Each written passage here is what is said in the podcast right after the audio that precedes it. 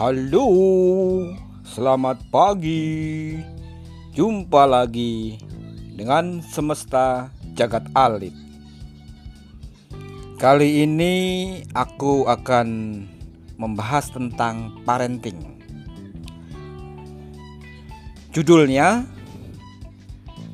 Matinya komunikasi orang tua dengan anak.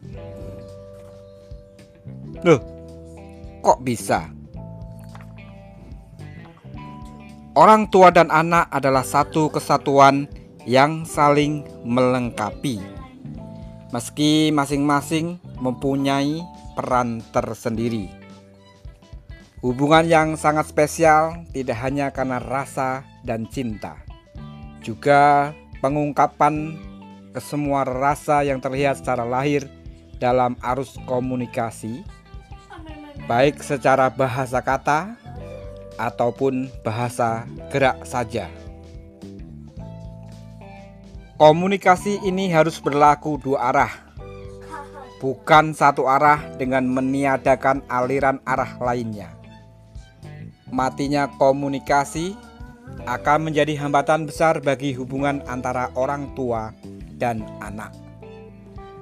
Beberapa perilaku buruk yang harus dihindari agar komunikasi itu dapat berlangsung dengan baik dan bermutu. Adapun perilaku buruk yang dapat mematikan komunikasi antara orang tua dan anak antara lain satu, bicara tergesa-gesa. Jangan bicara dengan tergesa-gesa kepada anak. Bicara tergesa-gesa menunjukkan bahwa Anda kurang mempunyai kematangan dalam berkomunikasi. Bicaralah dengan perlahan, jelas, memakai intonasi dan artikulasi yang tepat, sehingga apa pun emosi atau rasa dari kata-kata Anda mudah disampaikan dan akan tepat sasaran. Anak pun dengan mudah menangkap apa yang ingin Anda sampaikan dan harapkan. 2. Tidak mengenal diri sendiri. Ada dua poin mengenai hal ini. Anda sebagai orang tua harus mengenal diri sendiri dan diri anak Anda. Kekurangan dan kelebihan Anda harus mampu diracik sedemikian rupa agar Anda dapat tampil maksimal di depan anak. Walaupun tidak sempurna, namun anak akan belajar memahami semua kelebihan dan kekurangan Anda yang nanti akan dielementasikan dalam kehidupannya sendiri. Kekurangan bukanlah hal tabu, karena tidaklah ada manusia yang sempurna, bukan?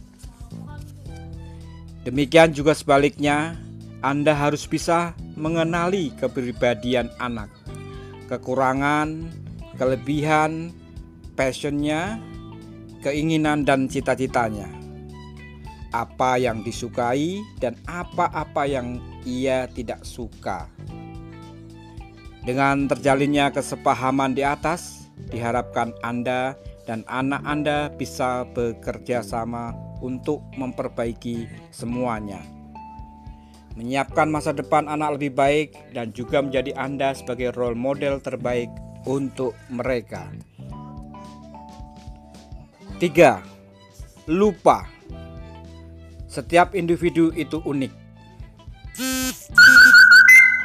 Jika Anda mempunyai anak lebih dari satu, jangan pernah melintas dalam pikiran Anda bahwa mereka itu sama.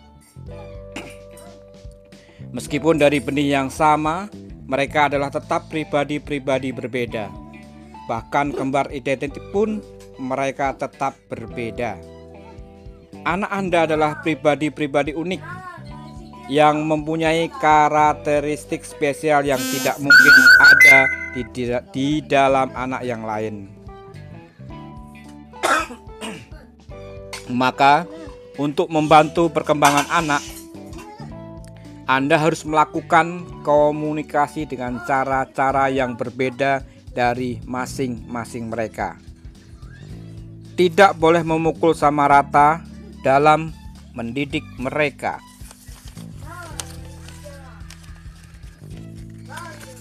Jangan lagi membanding-bandingkan di antara mereka. Ingat sekali lagi, mereka itu spesial. 4. Bingung membedakan antara kebutuhan dan keinginan. Anda harus bijak dalam bersikap. Anda harus bisa membedakan antara kebutuhan dan keinginan anak. Mana yang harus Anda dahulukan komunikasikan dengan baik dengan penjelasan yang menyejukkan kepada anak. Sampaikan dan ajari anak Anda sedini mungkin untuk mampu membedakan apa itu kebutuhan dan apa itu keinginan. Sehingga anak diharapkan mampu memegang prinsip ini untuk bekal dirinya di kemudian hari. 5 tidak membaca bahasa tubuh. Anak bisa diajak berkomunikasi dengan baik jika ia dalam keadaan mood yang baik, tidak sedang menghadapi masalah ataupun hal-hal yang mengganggu pikirannya. Tak jarang mereka akan diam saja jika ditanya. Orang tua yang pintar akan bisa mengenali tanda-tanda ataupun sesuatu hal yang ingin disembunyikan, maka Anda harus memahami bahwa anak memahami bahasa anak tidak hanya bahasa lisan, juga bahasa verbal atau bahasa bahasa tubuh tentunya. Apa pun kebuntuan komunikasi yang terjadi dengan menguasai bahasa ini, Anda akan dapat dengan mudah membujuk menghibur, atau memberikan rasa aman dan percaya, sehingga diharapkan komunikasi nantinya akan mencair. 6. Tidak memahami perasaan. Anak adalah pribadi yang mempunyai rasa, emosi, dan segudang keping perangkat manusia yang unik. Jika kebuntuan komunikasi dengan cara memamparkan dan menjelaskan secara logika gagal, Anda dapat menyentuh perasaan anak Anda. Syaratnya Anda harus peka, penuh perasaan, punya empati dan simpati tinggi. Dengan memahami perasaan anak, anda bisa memosisikan diri Anda menjadi anak Anda, sehingga akan bisa memahami keinginan dan kebutuhan anak. Anda akan dengan mudah menemukan solusi bersama demi kebaikan anak. 7. Kurang aktif mendengar. Jika anak Anda mempunyai masalah atau melakukan kesalahan, biasanya Anda akan melakukan tindakan reaktif, di mana Anda akan lebih banyak mengungkapkan pendapat, nasihat dengan cara bicara menggebu-gebu, sehingga Anda lupa mendengarkan anak. Anak butuh didengarkan dan dipahami Mengapa ia melakukan itu?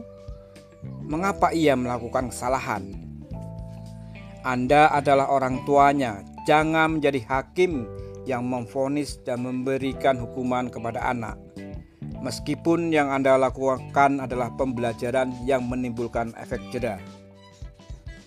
Dengarkan anak, turunkan emosi Anda, hadapi dengan logika dan cinta. 8. Parentogenik Ini adalah penyakit parah yang secara tidak sadar diidap oleh orang tua. Yang sering dilakukan adalah pernyataan mainstream yang seharusnya tidak Anda lakukan apa pun yang terjadi.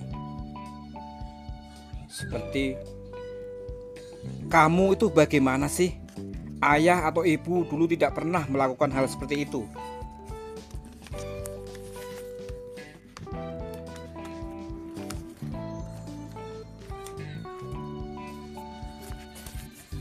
Anda dalam posisi menyalahkan dan memojokkan.